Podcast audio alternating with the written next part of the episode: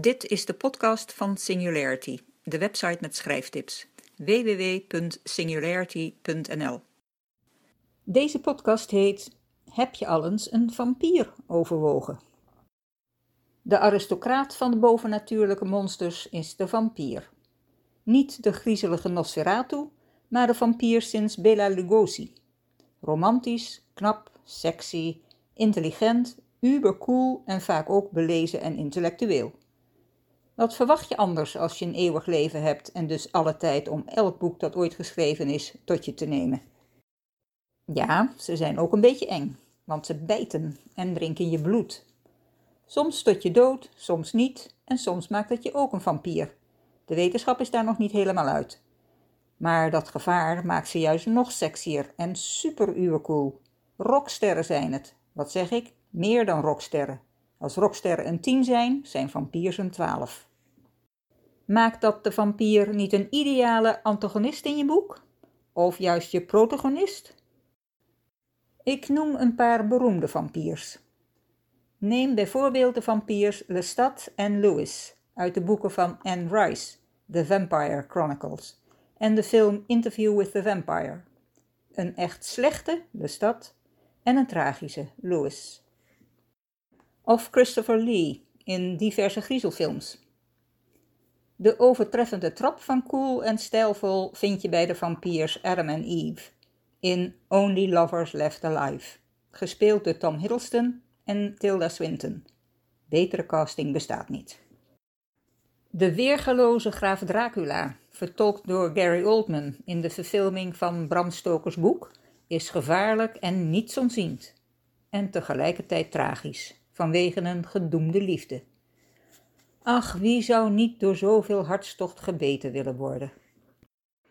Een andere bekende vampier is Edward Cullen in de Twilight Saga. Maar daar zit geen greintje gevaar bij, hij is te lief.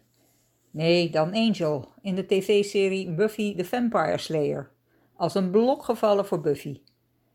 Aan hun liefde zit een rottig gemeenigheidje vast, want seks leidt tot terugkeren naar zijn gewetenloze bloeddorstigheid en vooral Buffy is dan zijn doel.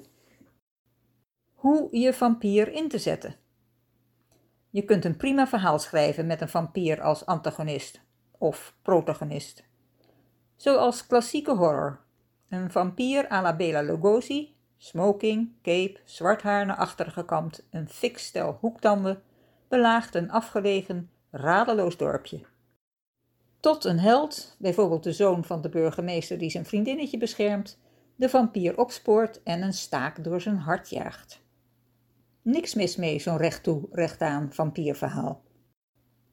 Maar je kunt ook die coolness, die glamour en die sexy uitstraling inzetten en het verhaal romantischer maken.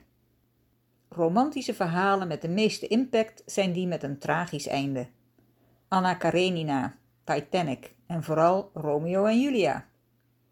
Je vampier is de ideale speler in een onmogelijke liefde, want we leven nu wel in inclusieve tijden, min of meer, maar een vampier is toch een geval apart. Hoe kan een schabloon voor een onvergetelijk verhaal over gedoemde liefde tussen mens en vampier eruit zien? Laat de geliefde als een blok voor elkaar vallen.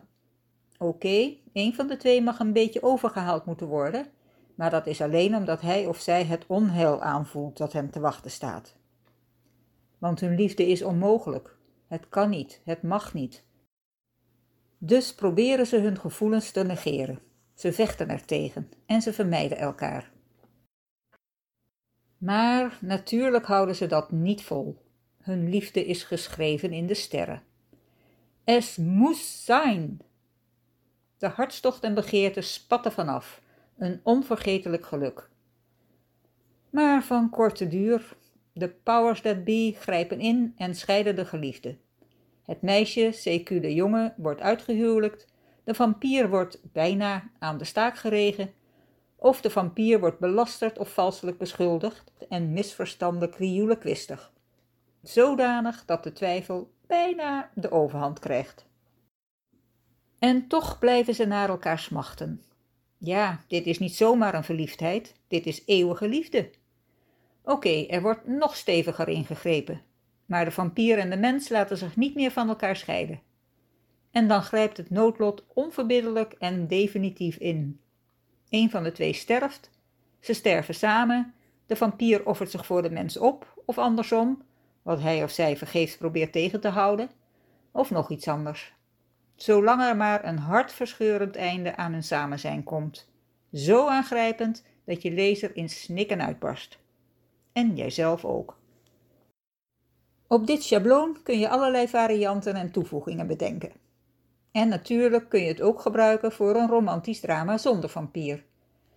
Maar die vampier is wel heel verleidelijk. Zo, overweeg jij een vampier in je boek? Voordat ik het vergeet, in het artikel op de website staan linkjes.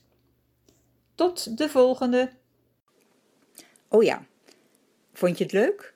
Heb je er wat aan? Maak me dan blij door het te delen. Dankjewel.